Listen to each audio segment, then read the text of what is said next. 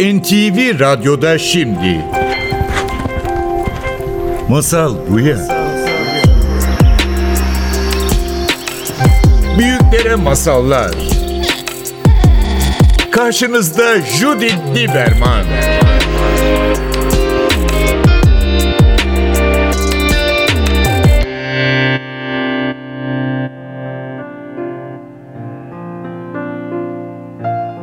Masal Buya'ya hoş geldiniz. Bugün Ezo Sunar'la birlikteyiz. Ezo sana ne diyeceğimi ben de bilmiyorum. Sen de bilmiyorsun sana sordum.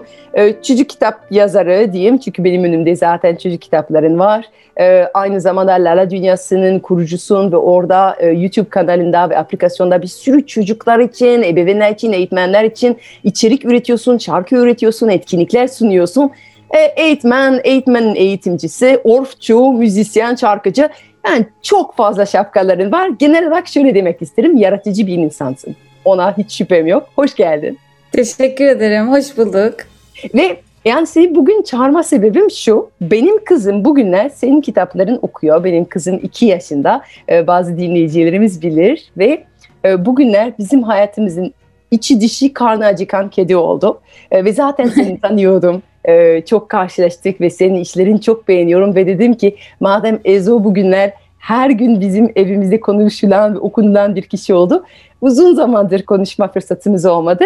Masal bu ya da böyle bir temas etme ve neyi keşfettim? Bir aylık bir kızın oldu. Haberim yok. Hoş geldin. Evet. o, o yüzden ilk önce bunu sorayım sana. Yani pandemide senin gibi yaratıcı insanı nasıl geçti anladığım kadar büyük bir üretimle geçti zaten. Senin için pandemi evet. nasıl geçti? Zaten son 9 ayında hamileydim. O da biraz tabii zorladı beni psikolojik olarak ama olmasın dikkat edelim iyice izole olduk. Öyle olunca da pandemi başından beri 9 tane çocuk kitabı yazmışım. Ve bu süreçte ben çok resim yaptım. Son bir yıldır resimlerim bir Red Art Galeri'de satılıyor. Aynı zamanda hem benim kızım Nova'nın odasına da tablolar yaptım. Onun dışında e, La La La dünyası için demin bahsettiğin oraya yeni şarkılar, videolar çektik, yükledik. Çok aslında dolu dolu geçti. Evde olduğumuz süreyi gerçekten üreterek geçirmek beni keyiflendirdi. Çünkü ben duramıyorum. Hani şöyle bir durayım, bir tatil yapayım, işte bir ay bir kafa dinleyeyim. Bende hiç olmadı yani. Okuldan mezun olduğumdan beri ertesi gün çalışmaya başladım ve ben çalışmayı çok sevdim. Üretmeyi çok sevdim. Duramıyorum yani dinleneyim diye durduğum yerde hikaye geliyor aklıma yazmaya başlıyorum. Hani şey kafa artık öyle çalışmaya başlamış. Ama pandemide işime yaradı mı? Yaradı bu zihin doluluğu. Çünkü onları boşaltma fırsatım oldu. Aktarmak fırsatım oldu. Yoğunluktan yazamıyordum o hikayeleri bir türlü. Ama tabii benim belimi büken Ezosunal Çocuk Atölyesi var bir de. Çocuklarla fiziksel olarak buluştuğum, çalıştığım, öğretmenlik yaptığım, en keyif aldığım yer. E, ve La La konserleri tabii uzun zamandır ayrı kaldık çocuklarla temasta olamadığımız için. Benim bir o belimi büktü, üzdü. Ama geçecek ve tekrar buluşacağız diye bekliyorum. Abi müthiş gerçekten çünkü ben hatırlıyorum ben hamileyken yani ben de çok üretmeyi seviyorum ama hamileyken böyle bir durgunluk gelmişti, bir sakinlik gelmişti. Müthiş yani dokuz kitap böyle belki duyduğum yani pandemi boyunca yaratıcı insanlar evde olunca daha fazla yaratmaya başlar. Çünkü yaratmak biraz bunu istiyor yani biraz durmak istiyor. Bir odada Hı. kapandığımız zaman o zaman içimizden bir şeyler çıkmaya belki içine girince içimizden bir şeyler çıkıyor ve o yüzden kitap yazmak, Hı. resim çizmek ama yani sana rekor rekor kırdı diyorum yani rekor kırdı yani. Böyle e, o bütün yaratıcı arkadaşlarımın arasında gerçekten hem bir çocuk hem dokuz kitap hem resimleri böyle iyi, iyi müthiş maşallah maşallah diyeyim. Tü tü tü tü tü harika. Peki şimdi yeni yeni anne olarak bu yaratıcılığa ve çocuklar için yıllardır bir şeyler üretiyorsun zaten. Çocuk dünyasının içindesin. Ama hep bir eğitmen olarak evet. hep bir tavsiye veren bir kişi belki e, öğretmenler için e, veya ebeveynler için. Şimdi bir şey değişti mi senin bakış açında veya anne olarak başka annelerin düşünmeyeceği bir şey var mı senin gündeminde? Yani ben hep annelere bugüne kadar şey diyordum. Evet tavsiye veriyorum ama biliyorum ki benim çocuğum olunca aynı hataları ben yapacağım. Hepsini teker teker yapacağım yani. Beni de başka biri uyarsın lütfen. E, çünkü hata yapma lüksümüz her zaman olmalı. Bir tek bebek büyütürken değil, alanda yani işimizde de, yeni denediğimiz şeylerde de, e, iyi olduğumuzu düşündüğümüz şeylerde de. Çünkü dediğim gibi mükemmelliği aramak çok yorucu bir şey. Bir de hata yapmak çok güzel bir şey. Yani çok e, yaratıcılığı da tetikleyen bir durum. Ama tabii söz konusu çocuk ve bebek olunca yaptığımız hata, hataların e, boyutu önemli. O insanı biraz sorumluluk olarak strese sokuyormuş. Yani kalıcı bir hasar yaratmamak. Gerçi çocuklar annelerini affediyormuş biliyorum onu ama yine de e, insan kıyamıyor. Ya öyle bir e, hep bir kalp çarpıntısı diyorum ben yani bebek doğduğundan beri. Evet ilk başta öyle çok geliyor. Peki Ezo Sunar, Ezo anneye nasıl bir tavsiye? Yani hangi tavsiye veriyorsun kendine? Hangi e, eskiden söylediğin, başka annelere verdiğin tavsiyenin hangisi kendine tekrar ederek buluyorsun bugünler? Yani tabii daha benim bebeğim çok küçük. Benim çalıştığım yaş grubu bir buçuk yaştan itibaren, bir buçuk yaşla 6-7 yaş arası. O yaşlara gelince daha net ben hissedeceğim o iki ezonun farkını diye düşünüyorum. Şu anda bebek bambaşka bir şeymiş yani açıkçası. En çok kendime ama şunu söylüyorum. Kendin ol ve tadını çıkar. Çünkü o kadar hızlı geçiyor ki uyandı, beslendi, işte altı değişti, banyosunu yaptı derken tekrar uyuyor. Tekrar özlüyorsun, uyanıyor. Hadi bir daha hoppa aynı rutin. Çok hızlı geçiyor günler. Kendime hep onu hatırlatıyorum. Tadını çıkar. Hani unutma tadını çıkarmayı. O girdabın içine girip hani aylar yıllar öyle geçmesin yani. Eğlen, evet. Eğlenmeye çalış bir yandan. Evet anneleri şey söylüyorlar. Annelik günler uzun, yıllar kısa diyorlar. Ben de geriye bakıp böyle hiç anlamlandıramıyorum bazen yani. iki yıl hem hayatımdaki en uzun hem hayatımdaki en kısa iki yıl. Şey diyorum evet. ya yani ağır çekim şimşek seyretmek gibidir. Yani böyle ay inanamıyoruz. İki sene geçti ne kadar uzun kısa iki sene yani gerçekten iki yönden şaşırtıcı. Peki senin ilham kaynağın nerede? Yani dokuz kitap yazdın çocuklar için. Sırf bu bir sene içinde seni besleyen nedir? Yine çocuklar yani Çocuklar çünkü onlardan gelen geri bildirim çok önemli. Yani mesela şimdi senin bana söylediğin iki yaşında kızım var ve bu kitabı çok seviyor. İşte şöyle okuyoruz, böyle değiştiriyoruz, şöyle değerlendiriyoruz. Bu geri bildirimler e, çok değerli benim için. Evlere giriyor olması, çocukların bir şekilde ilgisini çekiyor olması ve oradan yola çıkarak devamlı aklıma bir şey gelmeye başlıyor. Yani e, hepsi birbirini aslında doğuruyor. Yaptıkça yapıyorsun, yaptıkça yapıyorsun. Yine benim çocuklar yani çocukların oyunları, düşünme şekilleri, onların zihinleri, yaratıcılığı kıskanmamak mümkün değil. Sen nasıl bir çocuktun? O kadar böyle yani Lala dünyası ile birlikte o kadar böyle oyun, müzik, yaratıcılık, hikaye çocukluğundan mı geliyor bu? Olabilir yani ben 9 aylıkken koşarak başlamışım hayata zaten. Çünkü e, daha emeklemeyi bile doğru dürüst yapmadan koşmuşum ben direkt. Annem korkmuş evin içinde. Tıkı tıkı tıkı sesler geliyor. Bu ne falan diye. Ben daha yürümüyorum çünkü. Hani benden beklemiyor adım seslerini. O, o yüzden e, hep böyle bir aktif olma telaşım varmış yani küçüklüğümden beri. Güzel, eğlenceli bir evde de büyüdüm. E, o yüzden şanslıydım diye düşünüyorum. Ve hep resim yapmayı, şarkı söylemeyi hep çok sevdim. Her çocuk gibi.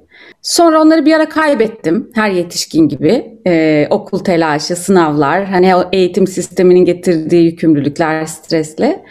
Ama sonra şansım yaver gitti ve yeniden buldum Nasıl buldun? müziği. Orf'la aslında yani 2005 yılında Salzburg'daki bir yaz kursuna gittim. Orf Schulwerk eğitimi aldım. İlk orada. Belki bilmeyenler için Orf ne olduğunu e, söyleyebilirsin, biraz anlatabilirsin. Yani kısaca bahsedeyim çünkü Orf yaklaşımıyla ilgili yani burada 3 saat yayın yapsak yetmez. Tabii tabii. E, sen de biliyorsun zaten. Orf, e, Karl Orff'un müzik eğitimine alternatif olarak sunduğu bir yaklaşım. Aslında bir felsefe de diyebiliriz. Temelinde hareket, ritim ve müzik var. En önemlisi oyun var merkezde. Klasik müzik eğitimlerine bir alternatif olarak sunuyor. Herkesin e, içinde kendini sanatsal olarak ifade etme e, becerisi olduğuna inanıyor. Ve e, önemli olan sınıftaki öğretmenin, kolaylaştırıcının ya da ne diyorsak e, ismini liderin herkese hitap edecek bir ortam hazırlaması ve sunması. Dolayısıyla müziği kendimizi ifade etme aracı olarak önce kullanıyoruz. Ee, daha sonrası zaten geliyor. Müzik yapma ve temel altyapı süreci, eğitim süreci zaten o şekilde oyunla başlamış oluyor. Beni de öyle tavladı zaten. Ben uzun yıllar piyano eğitimi alıp hani bırakanlardandım. Klasik yani. Çünkü yanlış eğitim nedeniyle. Sen de büyük ihtimal. Çok Ben çok insan yani. Keman 5-15 Keman. yaş arasında keman ve bunu hatırlıyorum benim keman eğitimi yani. Sanki öğretmen bana keman öğretmek için böyle keman alıp kafamda falan kemanla vurmak gibi yani. Böyle vurmuyordu da böyle gerçekten bir böyle baskıcı hep böyle yanlış yani doğru bir doğru bir şey yaptığımı hatırlamıyorum o yıllar içinde. 5 yaşında başladım. İşte poz yanlış, duruş yanlış, ses yanlış, suratın yanlış. Böyle parmakların parmakların kısa.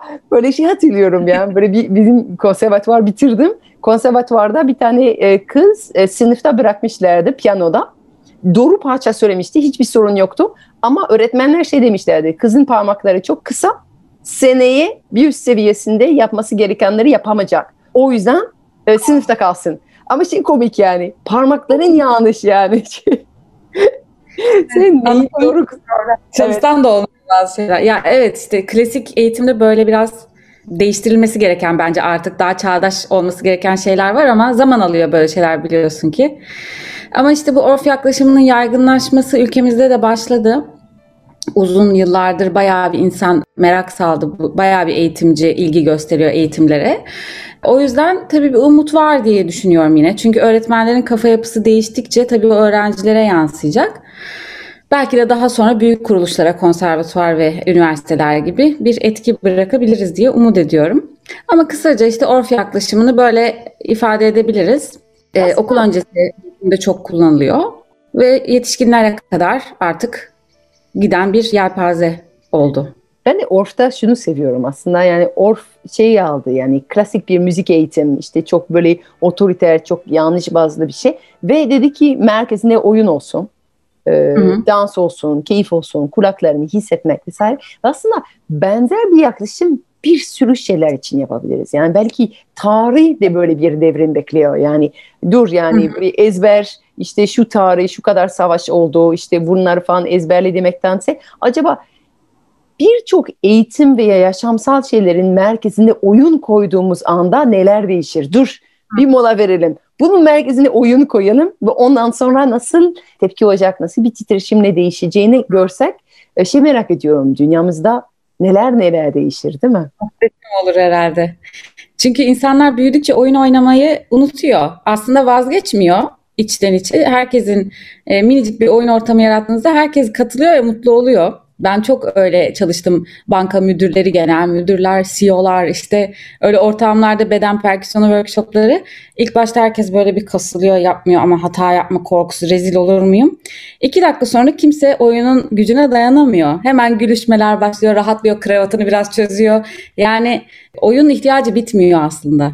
Evet ve üzücü olan o ki şey zannediyoruz çoğu zaman sunmuyoruz işte dediğin gibi kravatlı bankacıları çünkü şey diyoruz istemezler yani böyle bir algı var. Ben de benim masal anlatıcı e, adaylarla konuşuyordum ve ben şarkı söyletirmeyi çok seviyorum masallarda. Ben de böyle çok firmalara gidiyorum bazen bankalara vesaire ve öğrencilerim şey diyor adam orada şarkı söyletiremezsiniz. Ben dedim ki tam tersi hele orada şarkı söyletirmek gerekiyor. Yani Evet. 4 yaşında bir çocuğa her gün herkes şarkı söylemeyi sunuyor. Onun için çok özel bir şey değil yani tabii ki 4 yaşında çocuklar sever ama zaten sunmasan da şarkı söylüyor. Benim kızım Nazımlık'tayken şarkı söylüyor. Yani Evet. seni beklemiyor, uydurur yapar ama. İşte kravatlı bankacının bir desteği ihtiyacı var o konuda. O yüzden ona sun. Yani ona sunman, ona onu davet etmen gerekiyor. Ona izin vermen gerekiyor. Oyun, ayağa kalkmak vesaire. Ve olduğu zaman en minnettar olan o olacak. Çünkü e, o zaten bu sabah tuvalette otururken şarkı söylememişti. Seni beklemiş. Evet. Oysa ki 4 yaşında çocuk sabahtan beri şarkı söylüyordu. ha sen eşlik et, ha eşlik etme yani e, o kadar hayatını Doğru. değiştirmiyor yani. Çok Evet. doğru gerçekten. Çok güzel özetledin durumu.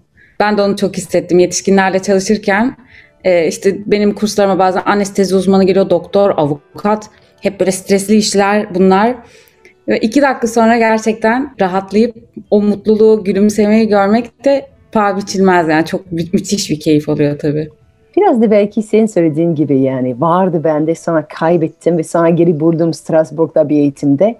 Bu değer verdiğimiz bir şey onu kaybettikten ve geri bulduktan sonra sadece benim diyebiliyoruz belki. Her şey için öyle olabilir yani. Hayat sana baştan bazı şeyler veriyor ve ancak onları kırıp tamir ettikten sonra kaybedip geri bulduktan sonra evet bu benim ve artık bursuz gitmek istemiyorum dersin. Belki oyun da e, şarkı, ritim, yaratıcılık öyle bir süreç midir acaba? Yani onu biraz kayb uzaklaşmamız gerekiyor ve geri bulmamız gerekiyor şey demek için yani sırf hep öyle değildim yani. O olmadan evet. o kadar iyi değildi. Zaten ister istemez kaybediyoruz. Büyüdükçe işte hayat şeyi giriyor araya. Sorumluluklar vesaire. Önemsizleştiriyoruz. Halbuki merkezde olması gereken bir şeymiş. Ben onu gördüm. Hayatta bırakmam artık ölene kadar. Benle yani. Beden perküsyonu, orf, hangi şekilde olursa olsun. Resim, oyun, müzik. O dönem hangisi iyi gelirse yani. Herkes bence kendine bir böyle bir çıkış yolu bulmalı. Ve o, o anlamda şimdi senin kızını düşünüyorum Nova ve onun adına çok seviniyorum. Çünkü bence çocuklarımıza verebildiğimiz en önemli şeylerden biri. Çoğu zaman çocuklarımıza kalem uzatıyoruz ve diyoruz ki haydi resim çiz. Ya da onlara hmm. müzik açıyoruz ve diyoruz ki sen dans et. Sen oyun oyna. Biz kenarda duruyoruz. E, sen oynamıyor musun? Yok ben anneyim. Yani bunlar bu işler bizim ben büyüğüm. Ben büyüğüm. Ve çocuklar böyle büyüyünce şey düşünüyor. Yani çocukluğun işi e, büyümektir. Ve o yüzden diyor ki büyük olmak bunları bırakmak. O yüzden biraz daha yapayım sonra bırakmam gerekir. Ama masal gecelerimize uzun zaman e, az çocuk geliyordu. Çok az. 100 yetişkin, 5 çocuk belki. Ve hep şey diyordum. Yetişkinler masal dinlemeye geliyorlar. Çocuklar masal dinleyen yetişkinler görmeye geliyorlar. Çünkü o kadar komik oluyordu ki çocuklar önde oturuyordu, geriye bakıp ve şey diyordu. Burada 100 tane masal dinleyen yetişkinleri var ve hiç çocuk yok.